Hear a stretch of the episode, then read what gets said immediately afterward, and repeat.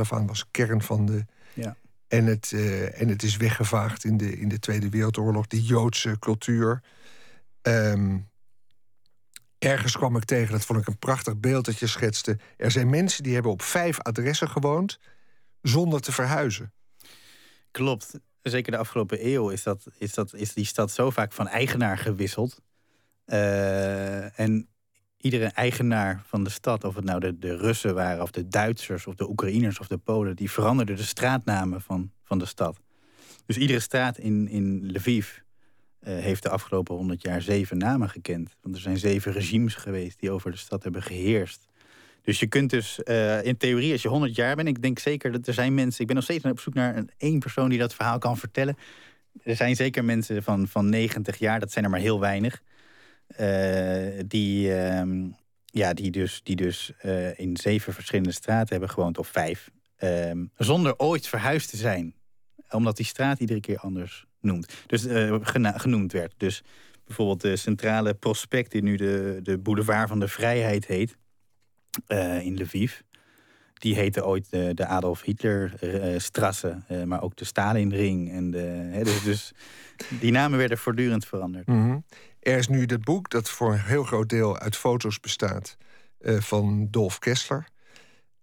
dus ik weet nu hoe die stad eruit ziet. Als jij hem beschrijft.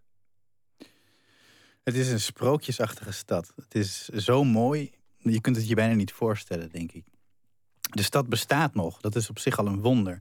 Alle steden eromheen, dus Kiev, Minsk, uh, Warschau, bestond niet meer na de Tweede Wereldoorlog. Was niets meer van over. De, de, de, hoogste muur was een halve meter, bij wijze van spreken. Uh, en dat gold voor al die steden in die regio, behalve voor Lviv. Lviv is op de een of andere wonderlijke manier gespaard gebleven. Alleen, het is een decor. Dus de stad Lviv is een, is een decor van een, van een theaterstuk... wat ooit heeft plaatsgevonden, maar waar de spelers uit verdwenen zijn. Dus de, de, de, de gebouwen staan nog, de stenen staan allemaal overeind.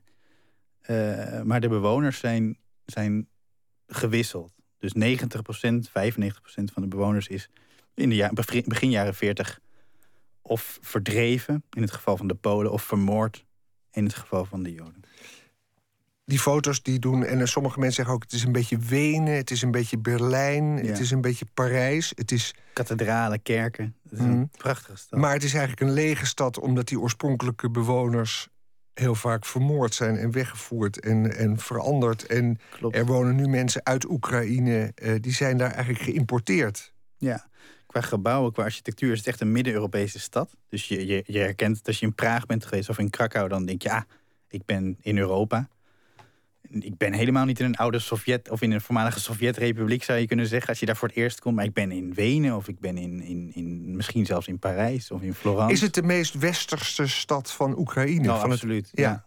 Ja, absoluut. Ja. Michiel Driebergen, het mag dan de meest westerse stad zijn van Oekraïne.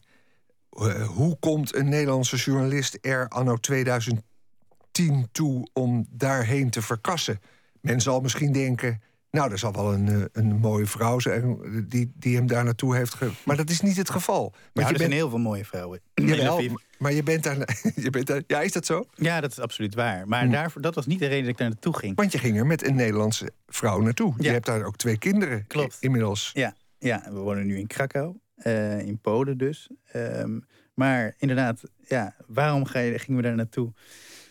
Um, eigenlijk vooral omdat het zo'n mooie stad is. Maar ook omdat ik gelezen had over de geschiedenis. Um, um, ik had al gereisd naar Kiev en naar de Krim. Uh, maar Lviv was iets heel anders. Eigenlijk wat ik net zei. Je komt, als je, zeker van, als je vanuit het oosten naar het westen rijdt per auto... en je komt... Meestal rijd je dan Lviv voorbij, want je denkt dat het dan de zoveelste Sovjet-provinciestad. Maar als je in de stad komt, dan denk je opeens van... hé, hey, dit, is, dit is Europa. Dit is, ik ben nu terug in Europa. Um, dus je kunt er ook Europese koffie krijgen. En je hebt er, je hebt er gebak, die je ook in Wenen bij wijze van spreken kunt eten. Dus het is, um, ja, het is als een soort van thuiskomen in die stad. En als je gelezen hebt over de geschiedenis, die dramatische geschiedenis, en je weet, want ik had al heel veel steden gezien in die regio, dat, dat, dat die verwoesting, dat, dat het de afgelopen honderd jaar zo erg was in die regio, de holocaust, de Sovjet-tijd Ja, dan, dat, is een, dat is een soort wonder. En, en voor, voor, ik denk voor veel Nederlanders dus nog steeds onbekend. Dat gaat geheid veranderen. Want inmiddels staat de stad op elke toeristische, internationale toeristische lijst die er het maar is. is een opkomst. Hè? In het boek lees je dat absoluut. het nu een beetje begint absoluut. op te komen. Maar dan nog verklaart het toch niet dat je daar eh, in 2010 echt ook gelijk gaat wonen? Ik bedoel... Nee, nou ja, het was een periode van drie maanden. Uh, dus het was een soort probeersel. Uh, ik had ook de indruk, dit is een moeilijke stad. En dat was ook wel zo. Ik was er wel een keer een week geweest, anderhalve week. Um, en ik vond het lastig, ook omdat ik, ik... Ik, was in 2009 daar voor het eerst. Ik, ik, kon de Cyrillische taal niet lezen. Ik, er waren nog geen toeristenbordjes, want er waren toen nog niet zoveel toeristen. Dus het was voor mij echt heel moeilijk. En ik dacht in, in, die, uh, in 2010 dacht ik, ik moet daar langer zijn. En uh, echt, een, echt om mensen te leren kennen. En, uh, Je dacht ook aan werk, neem ik aan. Ja, maar ik, ik wist toen dat het EK voetbal eraan kwam. Uh, in 2012, dat was toen al bekend. En ik dacht, ja, als ik me nu een beetje inwerk in deze regio...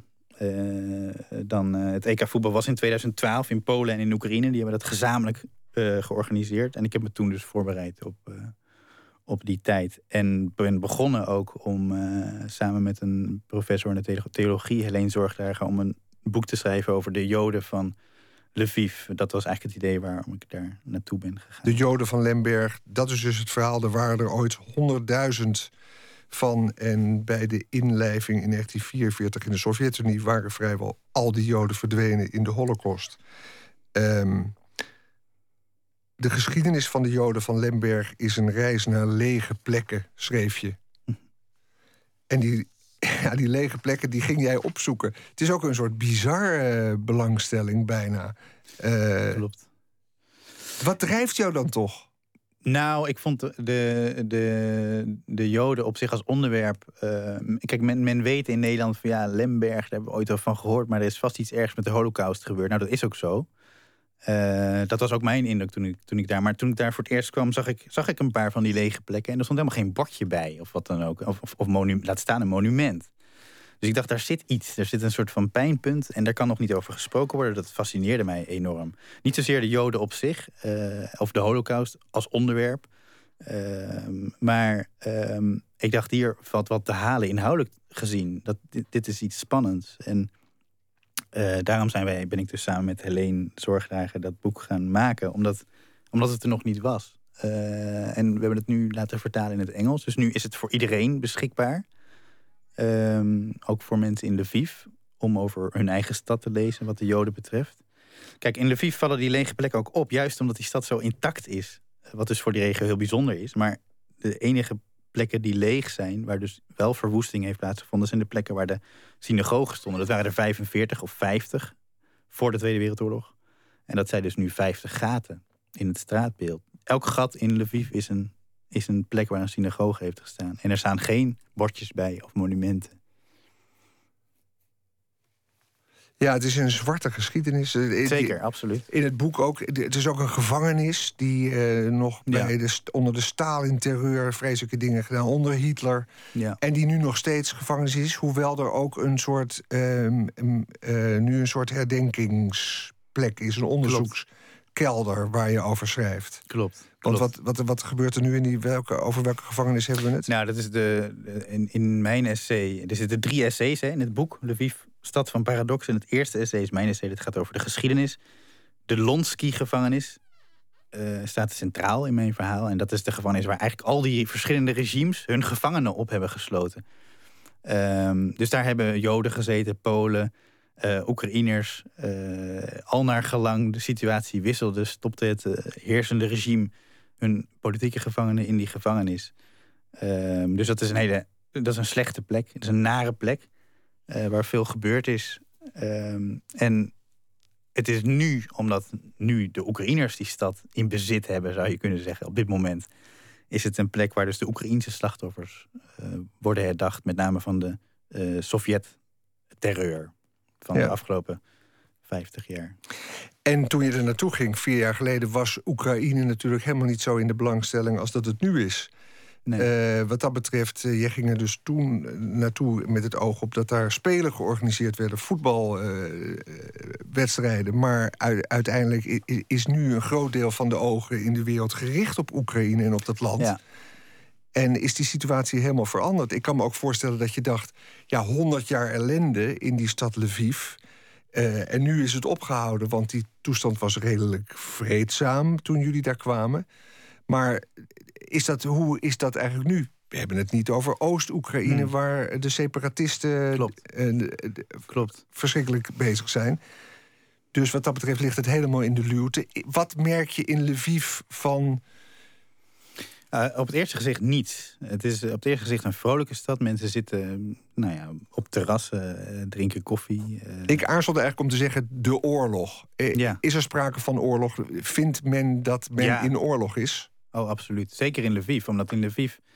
Lviv is nu ook paradoxaal gezien de meest Oekraïense stad van het land. Dus men heeft daar ook het meest hekel aan Poetin.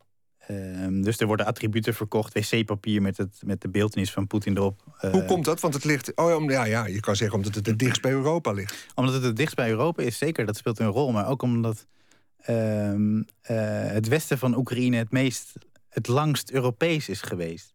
Men wil daar het minst weten van, van Moskou. Uh, en dat is altijd al zo geweest. Maar men heeft ook in de Sovjet-tijd, laten we zeggen van 1940 tot 1990, het meest geleden onder de Sovjet-tijd. Omdat men daar katholiek is. Het waren zijn katholieke Oekraïners. Niet alleen um, Joods, maar katholiek ook. Ja, zeker. Mhm. ja, ja. En um, die kerk werd onderdrukt. Dus die kerk was strikt verboden. En er werden ongelooflijk veel West-Oekraïners in de Sovjet-tijd naar de Gulag vervoerd. Zeker West-Oekraïners. Dat waren de meest fanatieke uh, ja, opposanten van het, um, van het uh, Sovjet-regime. en ja, dat zie je nu nog steeds terug. Dus de, de, de, afkeer van het oosten, eh, kan ik ook vanuit die geschiedenis begrijpen, is in Lviv heel erg groot, in het westen van Oekraïne met name. En die oorlog, de, meest, de, de drijvende kracht achter de oorlog zijn de vrijwilligersbataljons hè, in het oosten van Oekraïne. Daar zitten ongelooflijk veel Lvivianen bij. En ik denk dat er, ik heb geen exacte cijfers, maar als je, als je berekent dat er duizenden militairen zijn omgekomen en vrijwilligers in het leger zijn omgekomen de afgelopen maanden, dan zijn er dus honderden Lvivianen omgekomen. En uh, ook tijdens Maidan, waar het allemaal mee begon. Maidan begon in Lviv. Uh, de burgemeester van Lviv, die nu een partij heeft die succesvol was. Misschien moet je heel even in het kort zeggen wat Maidan is. Maidan, Vorig jaar, november Maidan dit jaar. Uh, Euromaidan werd het aanvankelijk genoemd. Dat was de, de volksopstand die ontstond nadat president Janukovic, de vorige president, in november, dus bijna een jaar geleden, uh, weigerde het associatieverdrag met Europa te tekenen. Toen heeft de burgemeester van Lviv gezegd: studenten, stop met, uh, met werk op de universiteit, ga naar Kiev, ga demonstreren. En toen begon Maidan. Er zijn meer aanleidingen geweest, maar de burgemeester was... Vanuit Lviv werd, absoluut, uh, werd daar ja, dat was de drijvende kracht. Ja, ja. En met het gevolg dat er nu verkiezingen waren en er een eigenlijk een andere wind waait. Zeker, alles is, alles is veranderd in een klein jaar tijd. Alles. Er zijn net verkiezingen geweest, afgelopen weekend. Ja. Een eerste ronde. Ja. En wat kwam daaruit? Nou ja, de grootste verrassing was dus de partij van de burgemeester van Lviv. Die een partij heeft opgericht met, waar die bomvol met uh, burgeractivisten zit. En burgeractivisten is een vrij nieuw verschijnsel in, in Oekraïne. Kijk, de twee grootste partijen, de partij van de premier en de partij van de president, dat zijn grote, relatief gematigde partijen die wel weer, ook willen hervormen, maar die ook een stabiele koers willen varen. Maar de derde partij van het land is nu de partij die dus door de burgemeester van Lviv is opgericht. En dat zijn, zou je kunnen zeggen, de beste mensen van het land. Mensen die, het, die de afgelopen maanden geprobeerd hebben om te hervormen in Kiev. Wat heel erg moeilijk gaat, heel erg stroef is verlopen. Um, maar die partij, ja, daar, daar, daar zit wel een soort van toekomst in. En je zou ook kunnen zeggen dat die verkiezingen van afgelopen weekend in die zin revolutionair zijn geweest. Dat men dus in Oekraïne, waar men nu alle reden heeft om radicaal te stemmen, dat heeft men juist niet gedaan. Men heeft gematigd gestemd. En men heeft op burgeractivisten gestemd. Ja, en Petro Poroshenko, die president is, die blijft waarschijnlijk wel zitten. Vorige week hoorde ik in Bureau Buitenland, de collega's van de VPRO in het buitenland, een magazine waarin jij ook een bijdrage had, dat die Poroshenko, ja, het is ook een boef eigenlijk. Maar hij valt nog mee. Het is de minst slechte van de slechte. Ja. Zo werd hij afgeschilderd. Ja. Ehm, hij is enigszins pro-westers, Ja, dus pro-Europa. Ja. Dus ook tegen Poetin, maar op een gematigde manier. En misschien eigenlijk wel helemaal niet zo slecht. Ja, hij, Dat- heeft, hij heeft een aantal van de oude oppers of de oude eh trawanten van Janukovic heeft hij ook bij zijn partij betrokken. Dus hij heeft echt een koers van eenheid probeert hij te varen. De- wat heel erg lastig is in Oekraïne, maar dat, dat lijkt hem tot nu toe redelijk af te gaan. Kijk, Poroshenko is niet zozeer een slechte man, denk ik, maar wel, het is een oligarch. En juist dat systeem van één man die, die een partij leidt, of één man die de samenleving leidt, want daar komt het uiteindelijk de laatste jaren de hele tijd op neer. Hè? Of het nou Timoshenko is of Janukovic, het zijn mensen die grote bedrijven hebben en die zichzelf uiteindelijk verrijken. Dat is de afgelopen twintig jaar iedere keer gebeurd. Ehm, en het is heel erg de vraag of Poroshenko eh, ja, tegen die verleiding kan weerstaan om dat ook te doen. Ja, altijd als je over Oekraïne leest, dan zeg je corruptie is het belangrijkste punt wat er mis is. Ja. Eigenlijk iedereen is corrupt. Ja. Tot, in, tot op regeringsniveau.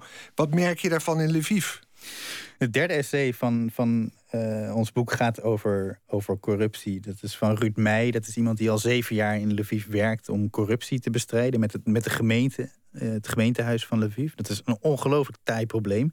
Kijk, in Lviv is het zo dat juist omdat veel mensen nieuwkomers zijn in die stad.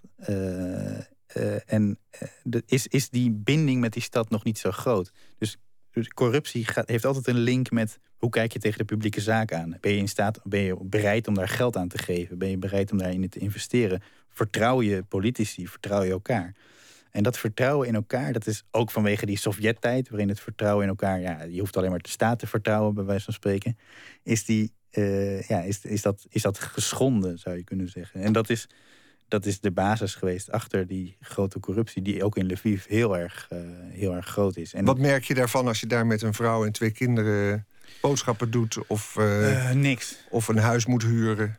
Nee, niks. Nou ja, alles gaat zwart. Maar ehm, de, Niks, maar alles gaat zwart. en ja, en alles gaat. Kijk, alles gaat. Ja, al- alles, het is een informele economie. Dus er gaat niet zoveel via de. Nou ja, er wordt niet zoveel opgegeven aan de belasting. De huiseigenares, waarvan wij het huis huurden, die eh, werkte bij de, bij de bouwvergunningen, de dienst van de bouwvergunningen. Dat is een hele goede vrouw, denk ik. Eh, ik, ken, ik, ken haar, ik ken haar inmiddels. Dat is volgens mij een hele goede vrouw. Maar eh, als je bij de dienst van de bouwvergunningen werkt, dan weet je, ja, dat is een dienst waar ongelooflijk veel geld onder de tafel wordt doorgeschoven. Ja, dat is een vrouw die haar gezin moet onderhouden. En die, eh, haar salaris is waarschijnlijk 150 euro. Daar kun je geen grote familie van onderhouden. Dus je zit in een systeem waarin je voortdurend gecorrumpeerd wordt. Waardoor je dus zelf corrupt gemaakt wordt. En dat, dat, is, dat is denk ik het slechte van, van, het, van het land Oekraïne. En daar Ja, moet je- iets aan gedaan worden. Je moet corrupt zijn, want anders kan je je gas en kun niet elektriciteit over- niet betalen. Oh ja, absoluut. Of je, kunt niet, eh, of je, of je wordt niet geholpen bij de dokter. Dus het, het, het systeem zit heel erg diep. Ehm, en dat is ongelooflijk moeilijk te veranderen. Dat is iets waar, waar, waar tientallen jaren, denk ik, overheen gaan. Wat bijvoorbeeld in Polen wel is gelukt. Eh, Mhm. voor een deel. Niet overal, maar in elk geval in het onderwijs is nauwelijks corruptie meer. In de gezondheidszorg nog wel in Polen. Maar dat is.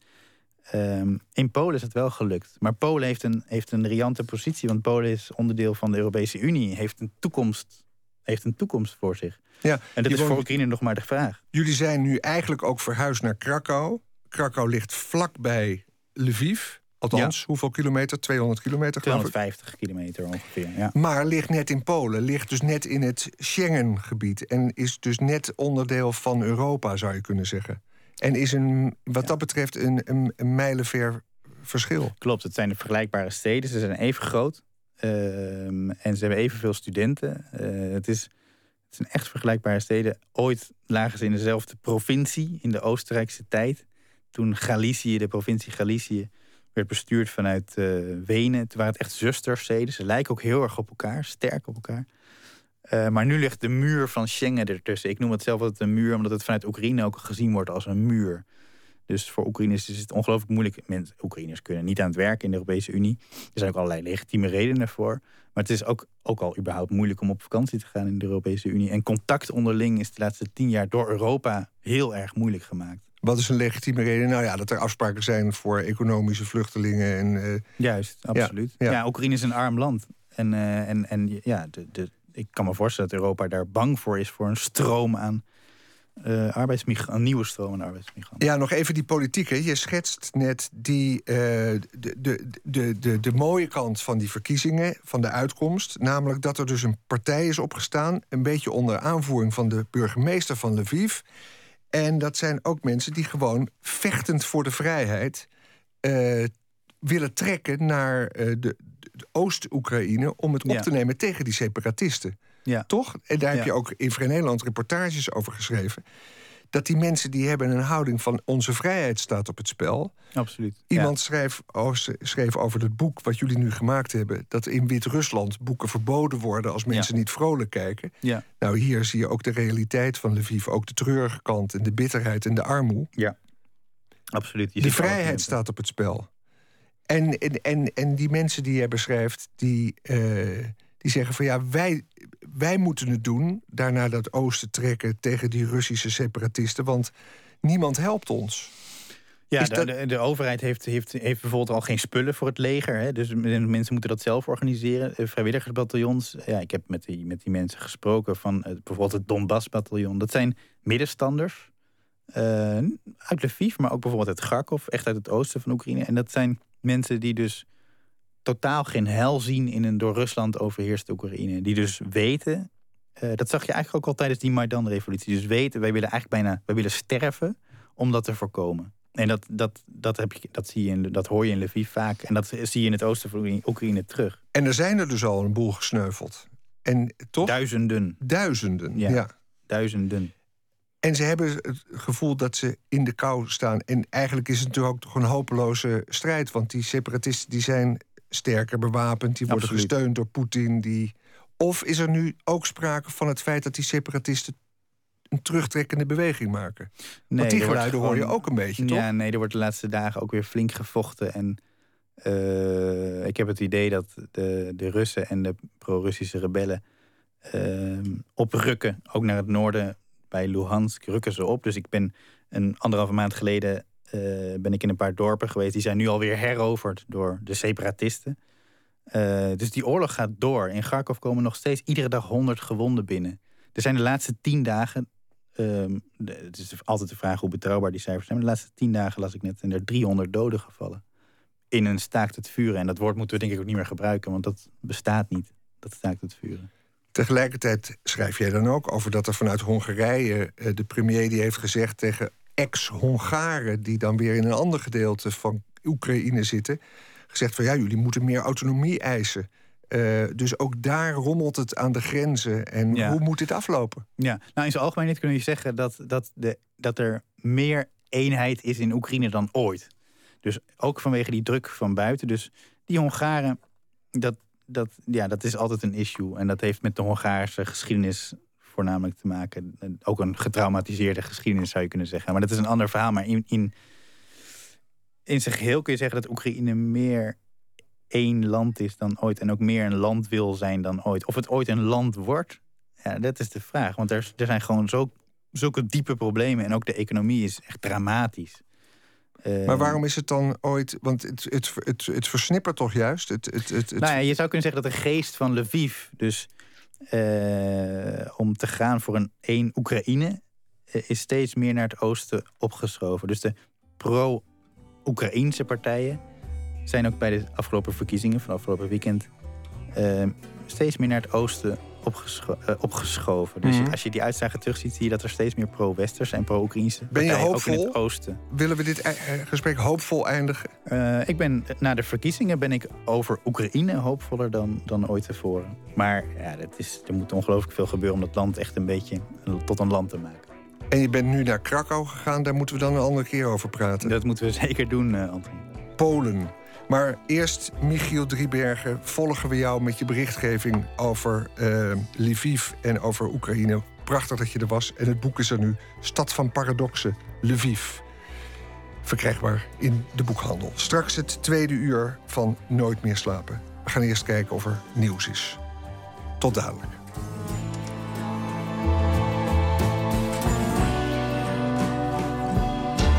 Op Radio 1, het nieuws van alle kanten.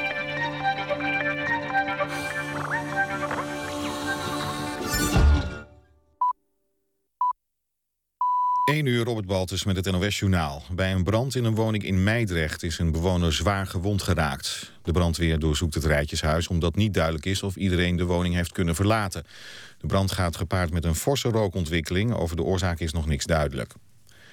Iraaks-Koerdische strijders zijn vanuit Turkije de Syrische grensstad Kobani ingetrokken. Ze kregen onlangs toestemming om over Turks grondgebied naar de zwaar bevolkte stad te trekken. Vanavond staken ze, zwaar bewapend met vrachtwagens en jeeps de grens over om te vechten tegen IS. De Turkse president Erdogan snapt weinig van alle aandacht voor Kobani. Volgens hem is de stad vrijwel verlaten. De internationale coalitie tegen IS kan zich beter richten op andere plaatsen in Syrië, zoals Idlib, al dus Erdogan.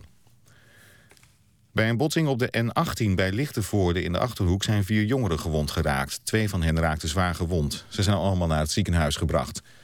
Ze kwamen met hun auto vanuit een zijweg de provinciale weg op. Een busje kon hun auto niet meer ontwijken en raakte deze vol in de flank. Drie van de vier gewonden komen uit één gezin. De bestuurder van het busje bleef ongedeerd. De politie onderzoekt de toedracht van het ongeval. Opnieuw een recorder op de Amerikaanse beursindex Dow Jones. De index haalde 17.390 punten, een plus van ruim een procent. Ook op de Japanse en Europese beurzen was er vandaag winst... dankzij een onverwacht besluit van de Japanse Centrale Bank... om extra geld in de economie te pompen. De Canadees die in juni drie politiemensen doodschoot in het stadje Moncton... is veroordeeld tot vijf keer levenslang. De 24-jarige Justin Bork kan pas als hij 99 jaar oud is vervroegd vrijkomen. Het is de zwaarste straf in Canada sinds 1976. Bork liep zwaar bewapend en in militaire kleding over straat... en begon te schieten toen de politie kwam. Een klopjacht van een dag volgde, totdat hij uiteindelijk werd overmeesterd. Zijn motief is niet erg duidelijk. Hij wilde onder meer de rijken tegen de armen verdedigen. Het weer, het is droog, minima vannacht rond 11 graden. Morgen volop zon, bij 17 tot 21 graden. Vanaf zondag wordt het koeler en wisselvalliger. Dit was het NOS Journaal. NPO Radio 1. VPRO. Slapen.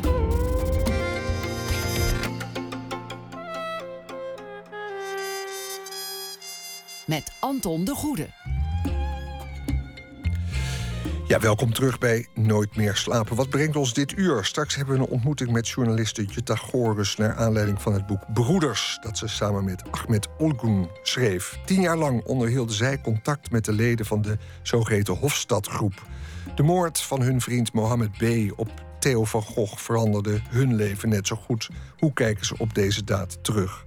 En we besteden aandacht aan de straatfotografie van de Amerikaanse Vivian Mayer, van wie binnenkort werk is te zien in Amsterdam. Maar we beginnen dit uur zoals gebruikelijk met een schrijver of dichter die reageert op iets wat er in de wereld is gebeurd.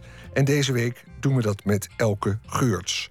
Het besluit van Dola Korsjens is de titel van de verhalenbundel waarmee ze in 2008 debuteerde. Haar tweede verhalenbundel verscheen twee jaar later, Lastmens. En eind vorig jaar verscheen haar eerste roman, De Weg naar Zee. Goeienacht, Elke.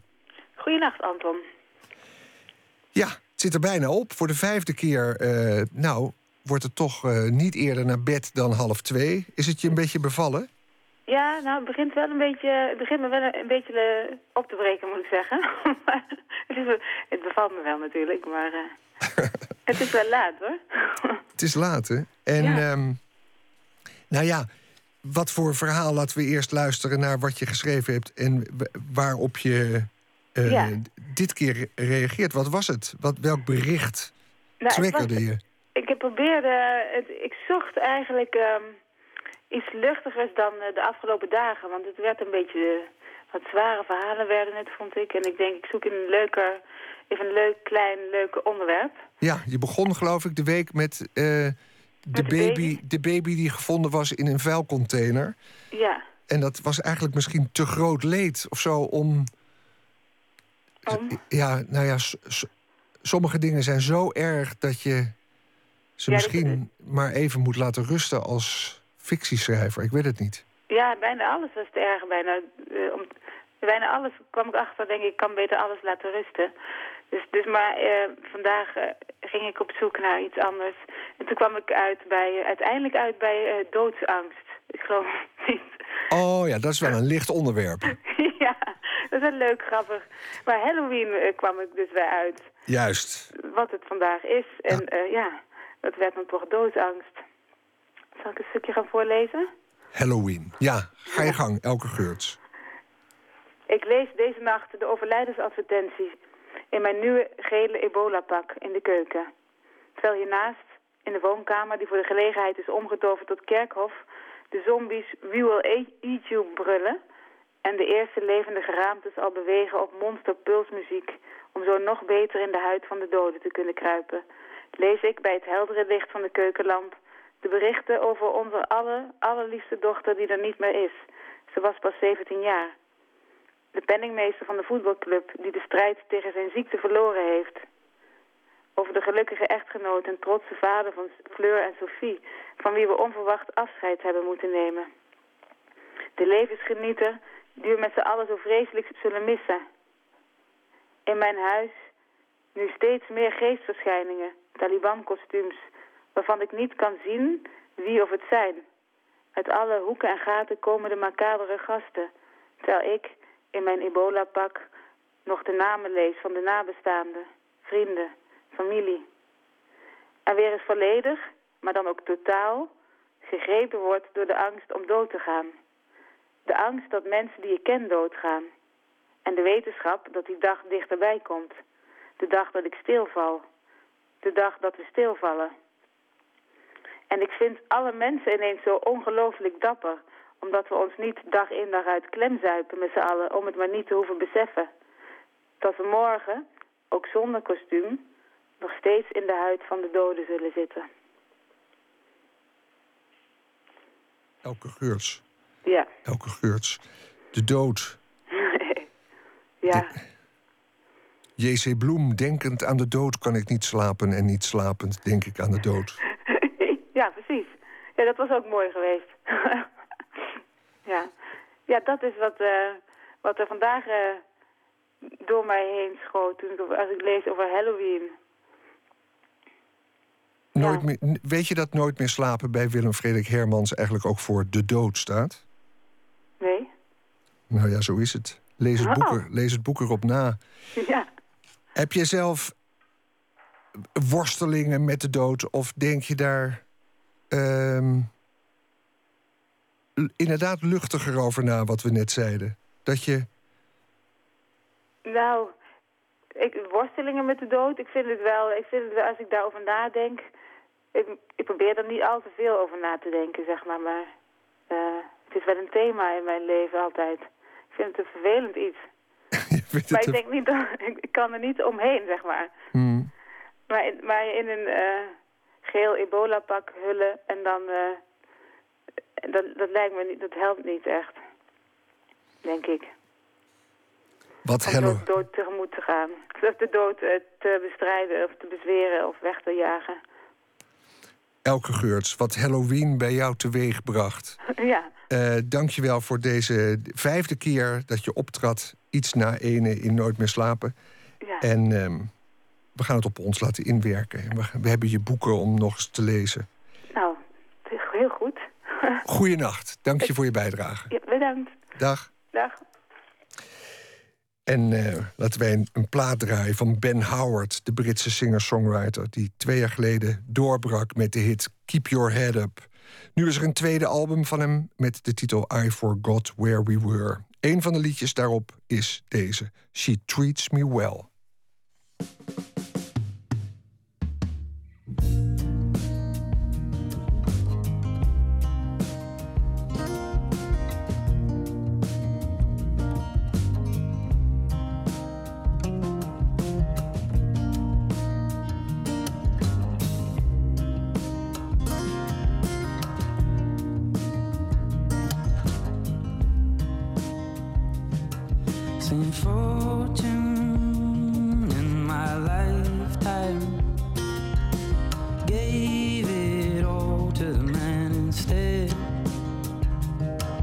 after tomorrow comes, I'm still standing on my own two feet. Got a woman at home, she treats me well. Mm-hmm.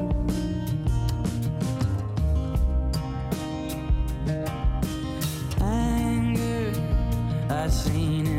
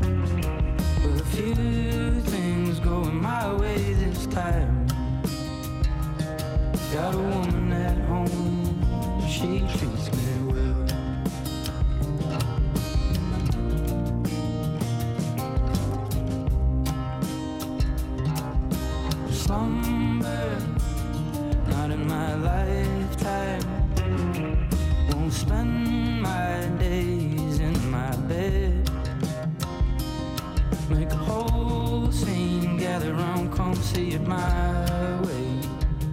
Now I got a woman at home, she treats me well.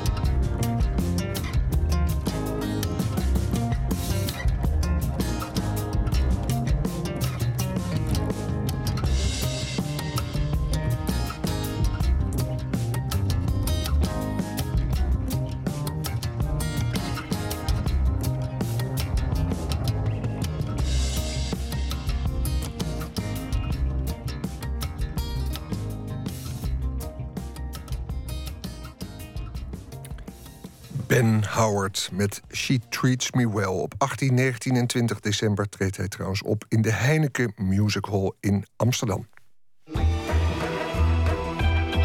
Nooit meer slapen. Tien jaar lang hielden journalisten Jutta Goors en Ahmed Ulgun contact met de leden van de Hofstadgroep. Nu is er het boekje Broeders. Emmy Colau spreekt met Jutta Goors. Feit is in ieder geval dat het gewelddadige jongens waren. En feit is ook dat ze ehm, zich op de een of andere manier tekort gedaan voelden in Nederland. Met als gevolg dat ze elkaar hebben opgezocht. Een soort geheime club hebben gevormd. Een club van wraak of van boosheid. Goedemiddag. Op de Dam in Amsterdam wordt vanavond een bijeenkomst gehouden ter nagedachtenis aan filmregisseur en schrijver Theo van Gogh die vanochtend in Amsterdam werd vermoord. Broeders noemden ze zich, het groepje rondom Mohammed B. Na de moord op Van Gogh worden ze één voor één gearresteerd. De daad van hun vriend verandert ook hun leven en dat van hun families totaal. Die jongens die waren allemaal tussen de 17 en de 22 jaar. Het waren jongens die avontuur zochten en die eigenlijk in Nederland iets zochten uh, waar ze wel goed in zouden zijn. Jutta Goris legde samen met NRC-collega Ahmed Olgun contact met ze. In het net verschenen boekje staat onder andere het verhaal van een van de minder bekende Hofstadgroepleden, Fami, en dat van zijn broer Redouan. Het begint op een avond in de Amsterdamse wijk Bos en Lommer en eindigt in een klein ijzerhandeltje in Al Hoceima, Marokko. Nederland was heel grimmig en um, agressief. Hè? Ook, het was ook hard tegen hard. En je voelde ook de spanning. Hè? Den Haag was in opperste staat van paraatheid. Een soort onrust van sirenes. Uh, mensen die gierend de hoek omreden. Ik herinner me ook dat we dat in die wijk heel erg voelden. We kregen ook op een gegeven moment op een van die avonden dat we daar zaten... een steen op het dak van onze auto. Goris en Ogun wisten Fami op te sporen via het politiedossier van Samir A. Fami uh, was dus een vriend van Mohammed B. We, hadden hem teruggevonden in dat dossier van Samir A. En we hebben aangebeld en eerst naar Samir gevraagd, want die kende die. En toen vroegen wij, ken je ook Mohammed B? Ja, die kende die ook. En toen begon hij te vertellen um, hoe hij bij Mohammed B thuis kwam... Uh, waar hij hem ontmoet had in de Al-Tawid-moskee... en uh, dat hij tegeltjes was gaan zetten in zijn badkamer... omdat hij tegelzetter is. En uh, dat um, er een geestelijk leider bij kwam, um, Abu Khaled... Over dat ze jihad-video's keken, hoe ze elkaar opstookten. En um, ik weet niet hoe het kwam, maar hij was ongelooflijk open. Terwijl het een eenvoudige jongen was, die um, ook, ja, leek het erg geschrokken was. Maar het leek ook wel alsof hij ons verwachtte. Alsof hij verwachtte dat er iemand langs zou komen. Wat zei hij toen over de moord op Van Gogh? Um, ja, hij zei dat hij, uh, daarvan, uh, dat, dat hij er niet van stond te kijken. Maar dat hij het wel goedkeurde. En uh, wat, wat ik heel bijzonder vond, is dat zijn broer ook steeds meekwam. Uh, zijn broer die zat op de HVA, dat was Redouan. Die Hogeschool van Amsterdam, deed sociaal-juridische dienstverlening. En dat was gewoon een mooie jongen. Iemand die aandacht aan zichzelf besteedde. Um, mooi haar en een prachtige uitstraling. En, en nou, hij zag er gewoon goed gekleed uit.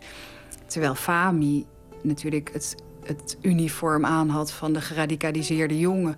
Met een uh, openhangend uh, overhemd en een te korte broek, een baard, zo'n pluizige baard met gaten erin. En ja, het zag er niet heel uh, aantrekkelijk uit. Of, maar hij was, um, zij stonden daar met z'n tweeën naast elkaar.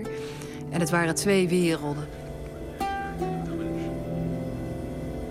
De vierde dag toen we terugkwamen, was hij gearresteerd. Dat was op 10 november.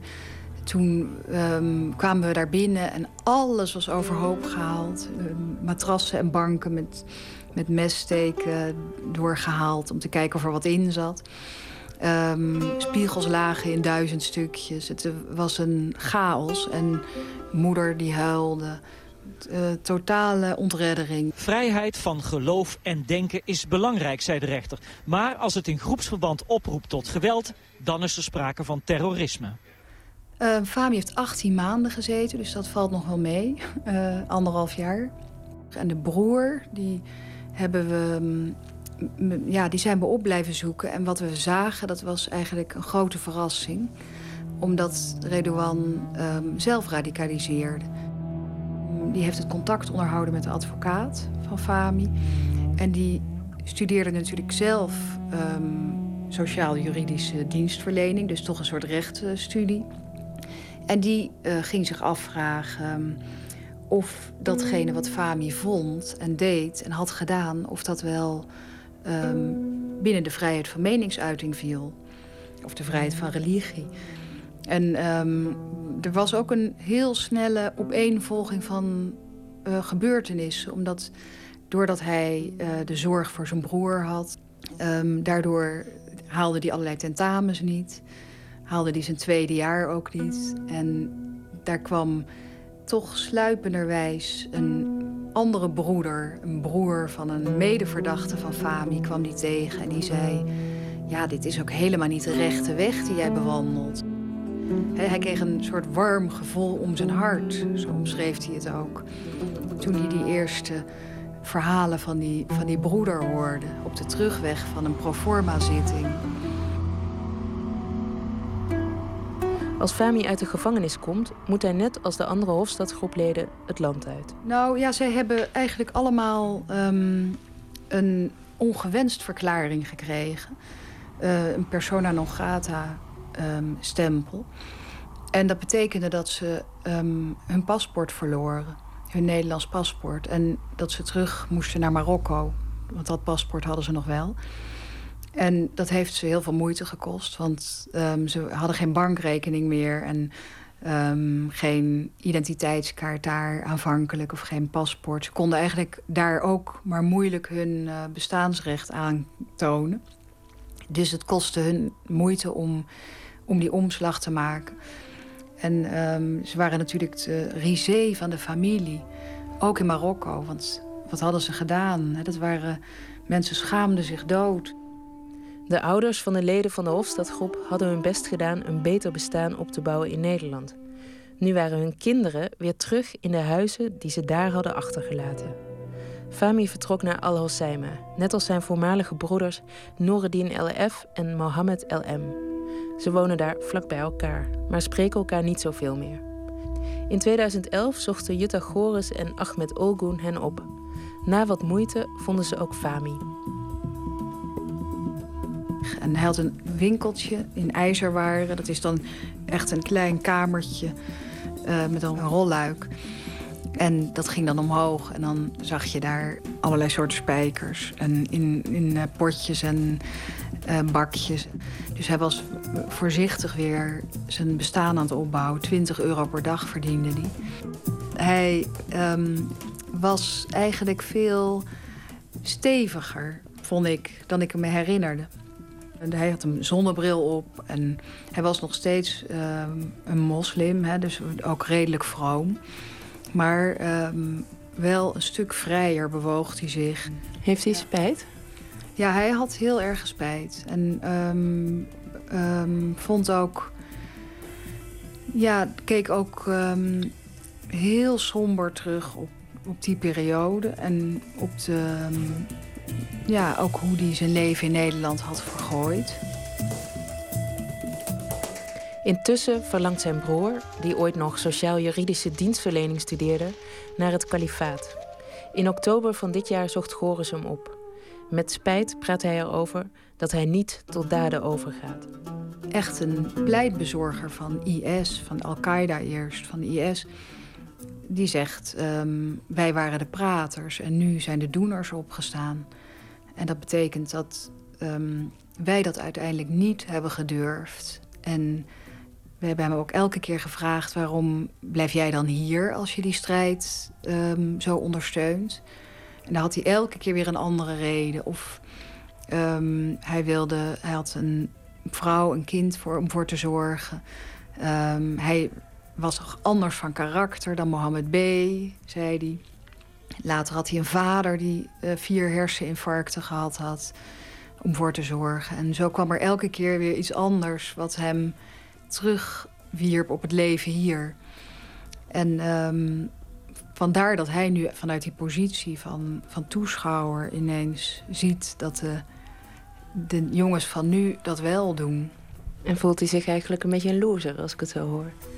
Mm, ja, nou hij zou het wel willen, inderdaad. En ehm, ik denk wel dat hij, dat wel, dat hij het betreurt.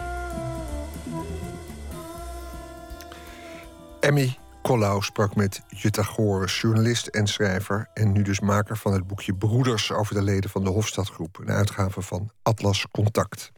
De uit Nevada City, Californië, afkomstig, uh, afkomstige Elila Diane... brak in 2009 door met het album To Be Still... terwijl ze tot die tijd haar werk in eigen beheer uitbracht. Van dit kleine meesterwerkje draaien we White as Diamonds.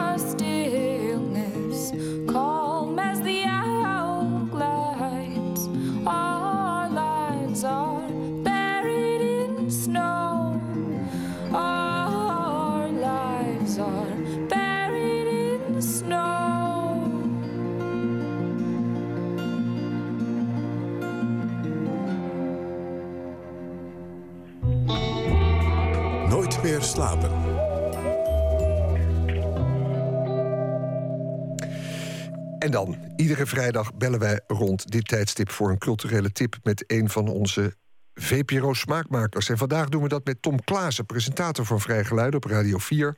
Het programma dat zich richt op klassieke en nieuwe muziek. Goedenacht, Tom. Goedenacht, Anton.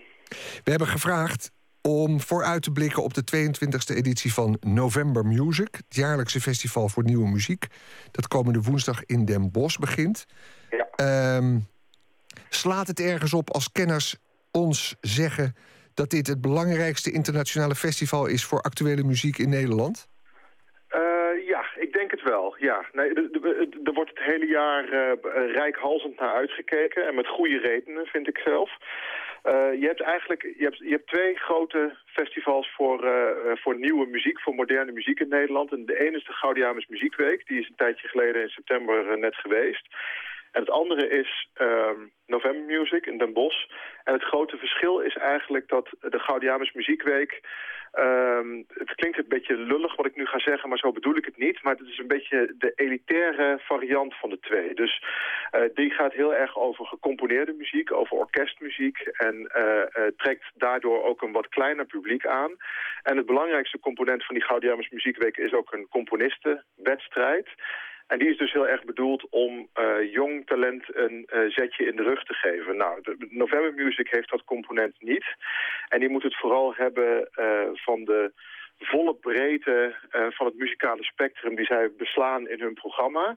En dat doen ze ontzettend goed, want ze spreken elk jaar grotere groepen publiek aan. En ze weten elke keer weer meer mensen naar, naar Den Bosch te trekken met hun, hun slimme programmering. Ja, want dat haakt aan een actuele discussie. Hè? Veel om te doen. Hoe klassieke en nieuwe muziek uh, interessant te houden voor een nieuwe generatie ook.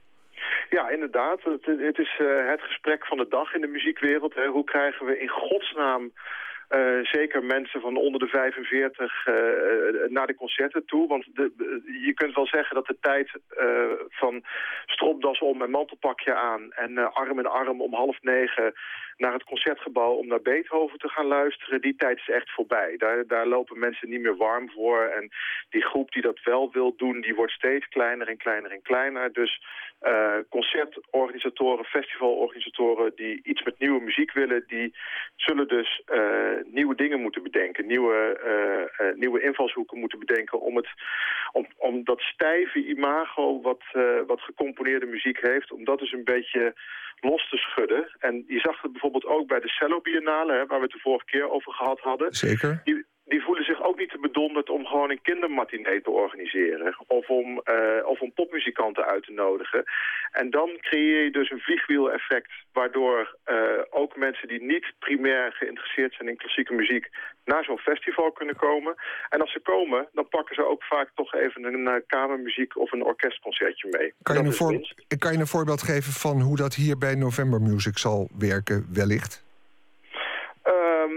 Nou ja, bijvoorbeeld uh, wat November Music heel erg slim doet... is uh, genres bij elkaar zetten. Hè? Dus zij laten klassieke componisten laten ze spelen met, met, met, met popmuzikanten. En ze, ze laten zien dat klassieke muziek dus niet alleen maar deftige, gecomponeerde muziek is. En een van die dingen die opvalt in de programmering... dat is bijvoorbeeld pianiste Saskia Langhoorn. Heb je al eens van haar gehoord? Nee. Ja, dat, is een uh, ravissante, blonde uh, Nederlandse dame. En uh, die speelt heel erg mooi piano. En zij heeft onlangs een cd uitgebracht met werk van de Nederlands-Australische componist Kate Moore. En dat zijn ja, eigenlijk lappendekens van muziek die traditionele muziekliefhebbers zullen herinneren aan de minimal music van de jaren 70. Um, maar het is meer dan dat, want er is een soort totaalbeleving van die muziek gemaakt... door het publiek met z'n allen rondom de piano van Langhoorn te zetten... en daar dan weer uh, luidsprekers omheen te zetten. En het publiek kan dan achteroverleunen en meegevoerd worden op de muziek die zij speelt. En zo wordt zo'n concert iets heel anders dan netjes rechtop zitten in Bordeaux-rode pluche, weet je wel. Ja. En dan, dan, Ja. dan krijgt het iets van een totaalervaring en dan wordt het ineens heel iets anders. Ik, eh, ik zei dat ik nog nooit van haar gehoord had. Maar we hebben wel iets klaarstaan, want dat kan dan wel weer. Eh, een kort fragment van die samenwerking, het nummer Joy. Ja, laat maar even horen.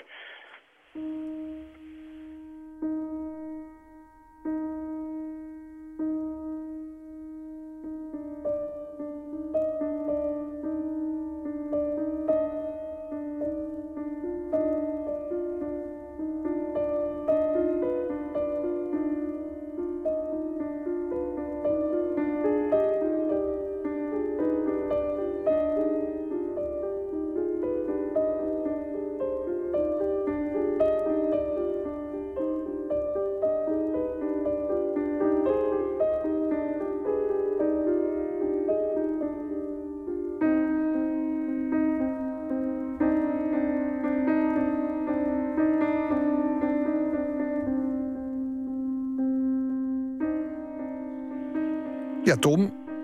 Dit is dus die Saskia Langhoorn, die bijzondere Ja, je pianiste. hoort- Je hoort hoe, hoe langzaam en hoe fijntjes dit zich ontvouwt. Hè? Het is natuurlijk een beetje jammer dat we nu haast hebben en op moeten schieten en er een beetje doorheen moeten skippen. Maar als je dit heel langzaam aan zo een uur lang over je heen kunt laten komen, dan, eh, ja, dan is dat toch echt wel even een andere ervaring. En als ik even mag, eh, schaamteloos eh, promoten, Ja? zondag is er ook in de Vrije Geluiden op televisie.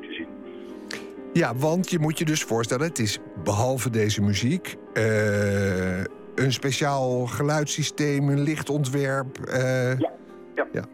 Er is overal, er is overal aan gedacht. Het is, eh, het is, het is niet meer zitten en spelen. Heb je nog een ander voorbeeld van dat November Music's eh eigen tijdse programmering? Ja, wat misschien ook nog wel aardig is om het even te hebben, is het Rosa Ensemble. Het Rosa Ensemble, dat is een, een, een groep muzikanten eh, uit Utrecht. En eh, ja, zij zijn eigenlijk het crossover ensemble van Nederland. Eh, af en toe dan, dan, dan spelen ze hele degelijke kamermuziek. Maar ze maken ook popliedjes, bijvoorbeeld met singer-songwriter Evie de Visser. En ze maken multimedia voorstellingen. En een van die multimedia voorstellingen die is te zien op November Music in Den Bosch. En die heet Socelo in Siberia. En dat is een voorstelling die hebben ze gemaakt samen met videokunstenaars van het 33 en 1 derde collectief. En de hoofdrol is dus weggelegd voor die singer-songwriter Evie de Visser, die ik net ook al noemde.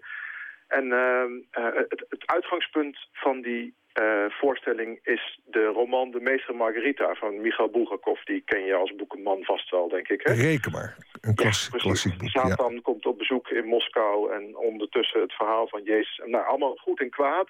En Stalin-kritiek en zo. En daar gaat deze voorstelling ook heel erg over. Het gaat over de grenzen tussen waarheid, leugen, fantasie, werkelijkheid, goed en kwaad. En eh, dat is dus ook weer eh, geen statische muziekbeleving. Het is dus niet een ensemble dat eh, zegt van nou hartelijk welkom, wat ontzettend leuk dat u er bent. Gaat u allemaal zitten, dan gaan we een aantal liedjes voor u spelen.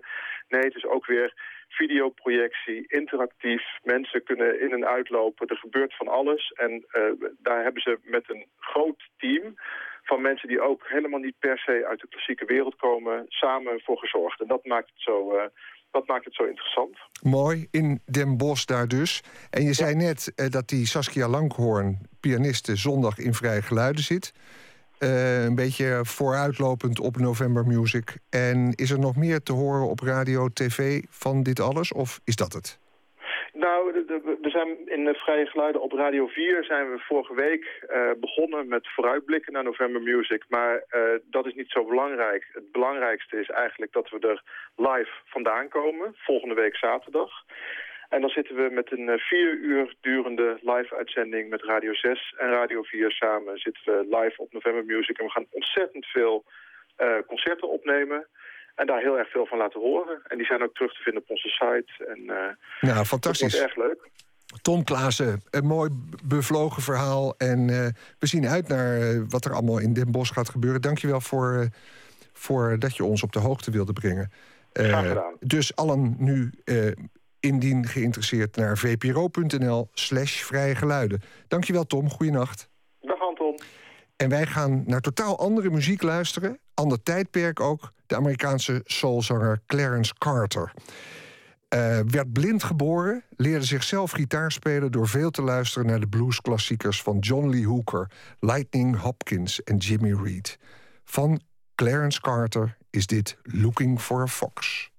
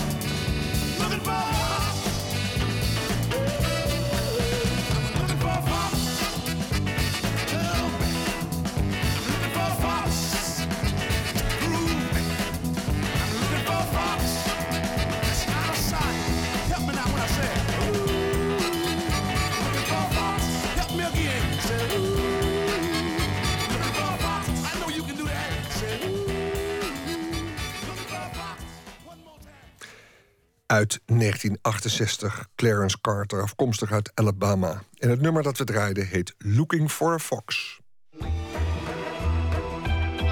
Nooit meer slapen. Ze wordt wereldwijd eh, geprezen om haar schitterende straatfotografie. Zo opent er komende week een overzichtsexpositie van het werk van Vivian Mayer in Foam in Amsterdam. Maar tien jaar geleden had nog niemand van haar gehoord. Hoe dat kan? Floortje Smit bespreekt haar intrigerende leven en werk met curator Claudia Kussel. Het wonderlijke verhaal van de ontdekking van Vivian Meyer begint in 2007 in een veilinghuis in Chicago. John Malouf koopt een doos met oude foto's. En hij heeft er eigenlijk bijna een jaar lang niet naar gekeken, of wel naar gekeken, maar ehm, langzaam drong het pas tot hem door wat hij eigenlijk had. in these negatives that I discovered, when I saw it first, I didn't know if it was really good. I knew that I thought it was good. Dat vertelt de gelukkige vinder later in de documentaire Finding Vivian Mayer. Hij had een sensatie in handen. The history of street photography is currently being rewritten. Vivian Mayer. Vivian Meyer. Vivian Maya? Saved from obscurity. In death, she is getting the fame that she never had in life. Is het nou zo dat het mysterie haar zo groot heeft gemaakt? Of is hij ook een hele unieke fotograaf?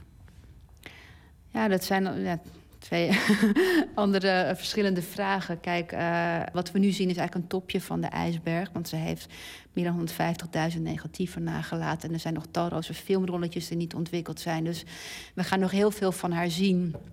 En, ehm, ja, en wat, wat, wat er nu eh, aan materiaal is en wat we ook in foam laten zien vanaf volgende week. En de boeken die zijn verschenen, ja, dat getuigt allemaal van zo'n bijzondere kwaliteit en zo'n goed oog.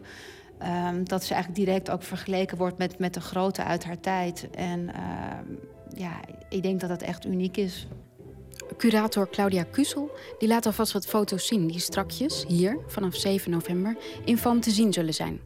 Het is een heel bijzondere foto van een, ehm, een jongen die op een, eh, op een paard zit. Eh, het paard heeft geen zadel, heeft een vrij primitief hoofdstel. En eh, ze rijden onder de, de subway. En het is een heel, ja, is bijna surrealistisch tafereel van iemand in de straten van het zeg maar, modernistische eh, New York, van de grote stad. eh, en het is bijna een, een middeleeuws plaatje wat je ziet. Het is, ik weet niet of het aan het surrealisme ligt, maar het is een foto waar je oog echt naartoe gezogen wordt. Nou Ja, is ook de compositie die ze heeft gekozen. En, en het paard wat zo heel sterk in het middelpunt staat, waardoor het gewoon een heel krachtig eh, beeld is. Maar het is, ja, zoals in haar meeste foto's, dat. eh, ja, ze heeft gewoon een heel sterk gevoel van hoe, hoe maak ik een goede foto. En eh, ja, dat is iets wat, wat iemand intuïtief heeft en wat je volgens mij niet echt kan leren op, op dit niveau. Dat, dat zit gewoon in haar. Natuurlijk is er dan één vraag. Hoe kan het dat zo'n talent niet eerder ontdekt is? Waarom fotografeerde Vivian Meyer decennia lang zonder dat iemand haar werk opmerkte? Ja, dat is een heel eh, goede vraag. Dat weet niemand, denk ik. Maar zij heeft eh, haar foto's altijd voor zichzelf gehouden. Vivian Maier eh, was eigenlijk gedurende haar hele werkzame leven eh gouvernante of nanny. De families waar ze eh, babysitter was, die eh, ja, wisten eigenlijk ook heel weinig eh, daarvan. Ze wisten wel dat, dat Vivian Maier foto's maakte, maar niet wat ze daar verder mee deed. En eigenlijk liet ze ook bijna nooit iets zien. Maar ze had verder ook geen familie of, of iets dergelijks die zich daar nog mee bemoeide. Nee, ze had geen, geen man, geen kinderen. Ook vrij weinig contacten voor zover wij weten. Ja, haar, leven speelde zich echt af binnen die families uh, waar ze oppaste. En ze had uh, enige familie in Frankrijk. Dat is eigenlijk het enige wat we weten. Ja.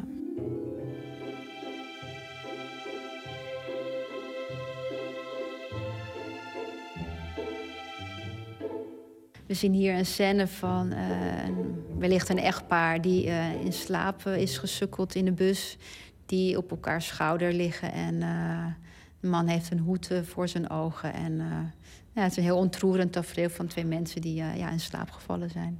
Het zijn zestigers, zijn, zijn oudere mensen. Ja, het zijn oudere mensen. Ja. Het is een soort intimiteit. Het is bijna een soort inbreuk op een intimiteit, hè, als je het ziet. Zeker. Het, haar werk heeft ook absoluut een heel voyeuristisch karakter. Maar soms zie je ook echt foto's waarin mensen daadwerkelijk heel zich bewust zijn van het feit dat ze gefotografeerd worden. En dat ook een hele ja, open blik uh, terugkomt. Uh,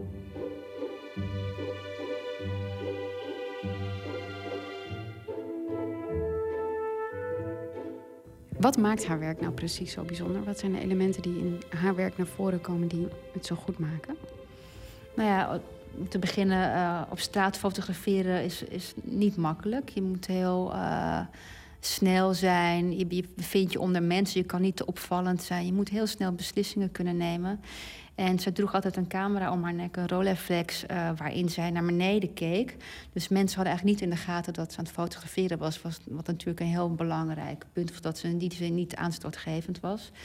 En... Uh, nou haar composities zijn heel sterk. Doordat ze vaak onderaf fotografeerde, uh, krijgen haar, uh, de personages ook een soort monumentaliteit in het beeld. Uh, ja, we zien allerlei soorten straatscènes. Mensen die of wel bewust zijn van haar of juist helemaal niet. Dat het heel terloops gefotografeerd is. En het is, het is allemaal heel ja, expressieve foto's waarin ze echt karakters van mensen vastlegde. Ook vaak uh, speelt kleding daarbij een belangrijke rol. Zeg maar de omgeving waar die mensen staan. Dus echt het, het leven wat, wat zich op straat uh, afspeelt in, in al zijn verschillende variëteiten, dat heeft ze vastgelegd. En ze had een bijzonder grote voorliefde voor kinderen. Heeft ook waarschijnlijk met haar, met haar uh, werk te maken, maar ook uh, ja, had ze een hele goede blik voor ja, hoe ze die kinderen kon vastleggen.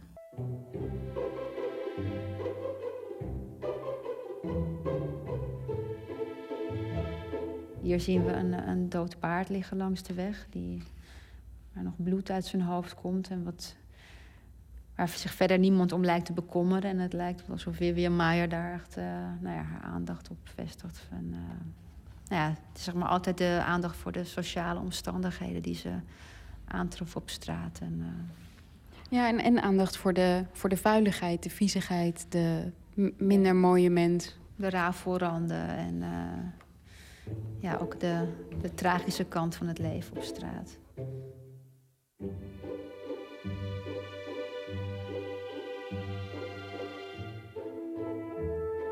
Ze paste op kinderen en dat uh, gaf haar ook de gelegenheid om haar uh, passie uit te oefenen. Want zodra ze kon, ging ze met ze naar buiten met haar camera om haar nek en uh, ging ze ja, de straat op om te fotograferen. Eigenlijk was het, was het gebruikelijk voor een vrouw in die tijd om, om op straat te gaan om, om foto's te maken? Nee, dat was zeker niet gebruikelijk. Uh, het, het, fotovak was, was sowieso een, een, mannenwereld. En als je denkt dat een vrouw op straat, uh, die is vrij kwetsbaar, uh, het was, was sowieso niet gebruikelijk om als vrouw op, op straat te fotograferen. Dus het is heel, heel bijzonder dat ze dat deed. En verder was ook heel goed om vrij onopvallend op straat te bewegen. Ze had een lange jas en ze droeg hierenschoenen en ze een hoedje op. En ze was eigenlijk de ideale persoon om nou ja, om op straat het hele straattheater vast te leggen... zonder dat iemand echt aanstoot aan haar nam. Ze komt niet per se in de meest goede buurten als ik de foto's bekijk. Het zijn best heftige buurten waar ze terecht komt. Ja, ze was uh, heel erg geïnteresseerd blijkbaar in een soort van onderkant van de samenleving... en uh, naar, naar de mensen en hoe de mensen leefden. En vooral ja, de sociale omstandigheden. Dus de, mogelijk een soort van empathische blik, maar ook misschien juist een, een, een, speciale interesse voor uh, de condition humaine.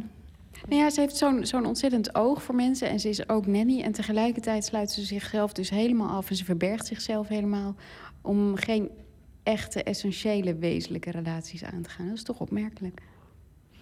Ja, het is heel opmerkelijk. En, en in, de, in de verhalen die bekend zijn, dan, ja, dan, dan, denk je bijna dat er wel iets moet geweest zijn in haar jeugd. Ze heeft haar vader op vrij jonge leeftijd verloren. Of die, toen ze vier was, toen, toen ging hij weg. Maar je voelt aan alles dat er iets is waardoor ze ook zo is geworden zoals ze is. En ook waarom ze zich zo verhoudt uh, ten opzichte van andere mensen.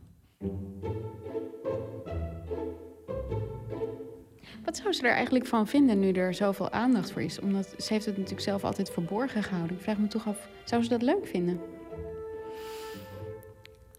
Ja, het lijkt me dat ze het heel moeilijk had gevonden. Anders dan leef je niet in die anonimiteit. Um, er is ook een, een documentaire Finding uh, Vivian Meyer, die onder andere John Malouf uh, is gemaakt. Waarin uh, verschillende familieleden worden geïnterviewd ja, die haar persoonlijk gekend hebben. En die zeiden eigenlijk allemaal dat ze het eigenlijk helemaal niks had gevonden, al die aandacht. En jullie doen het toch? En we doen het toch, en dat is natuurlijk ook een ethische vraag. Van, ja, zij kon er eigenlijk zelf geen mening meer over hebben. En zij is toch degene die ja, centraal staat in dit hele vraagstuk. Um, en, en toch wordt door andere mensen besloten om dat wel naar buiten te brengen. Dus dat is wel iets waar je vraagtekens bij kunt hebben.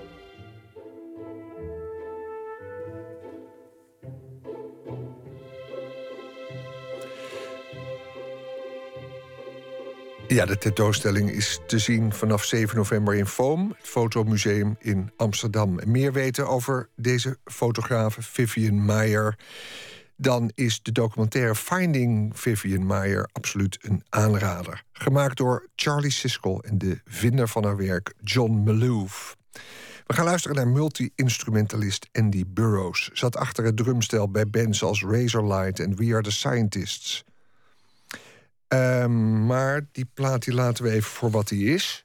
Hoor ik nu van Maaike Dubelaar, de regisseur van uh, dienst. We gaan het uh, helemaal anders doen. We draaien het nummer Charge. En dat komt van een ander album, Midlife Crisis. Zijn zelden zo mooi vastgelegd als op de zesde studioplaat van Elbow. The Take-Off and Landing of Everything. En we vonden dat het nu, acht minuten voor twee, juist daar helemaal de tijd voor is. Luister dus naar Charge.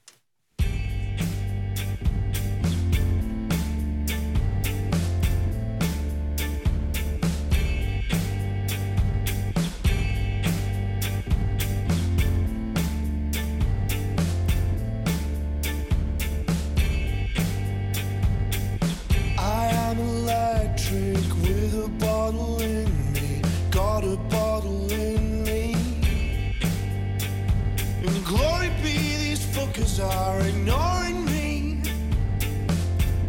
I'm from another century. I am a preacher when I've got it on me, and I've got it on me. And glory be, these fuckers are ignoring me. We never learn from history. Hey, I.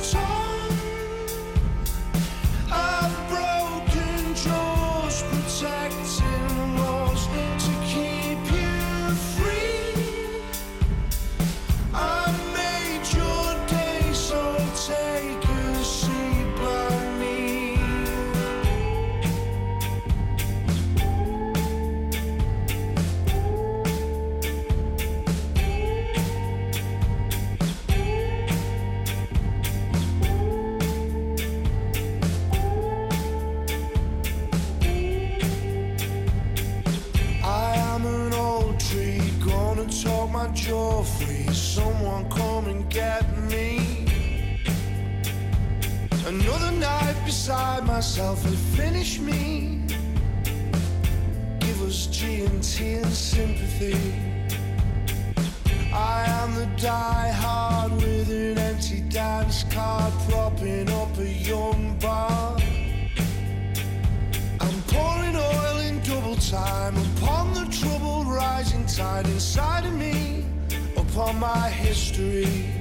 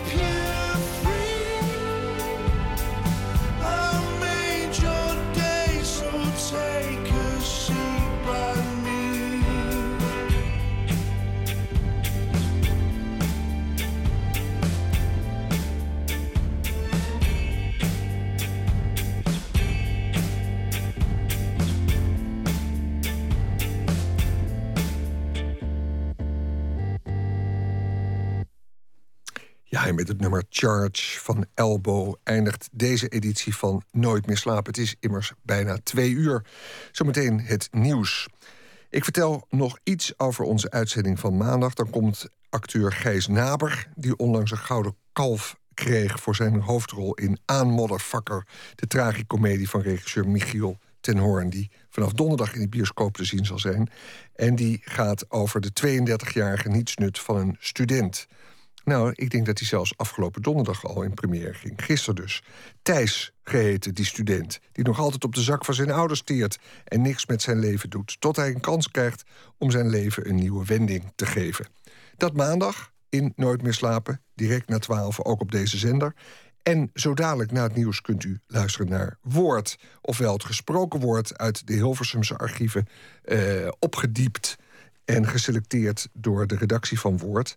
Met als thema griezelen dit keer. Verhalen over spookhuizen, vampiers en horrorfilms. En de presentator van dienst is Maarten Westerveen. Hallo Maarten. Hallo daar. Wat gaan jullie doen? Ja, je hebt het al gezegd, griezelen. We gaan in de wereld van Dracula. We leren alles over de Necronomicon, het favoriete boek van P.J. Lovecraft. Eh, ik zou zeggen, blijf vooral luisteren, want het wordt griezelig gesproken. Echt waar. Blijf maar hangen. Tussen twee en zeven. Het is wel een lange zit. En wat is het hoogtepunt? Wanneer, wat, wat mogen we absoluut niet missen? H.P. Lovecraft, absoluut hoogtepunt. Uit te zenden om hoe laat? Ja, nee, dan moet je blijven luisteren. Maarten Westerveen, straks gastheer van Woord... dat zich zal uitstrekken tussen twee uur en zeven uur vanochtend. Maarten, zet hem op straks. Dankjewel.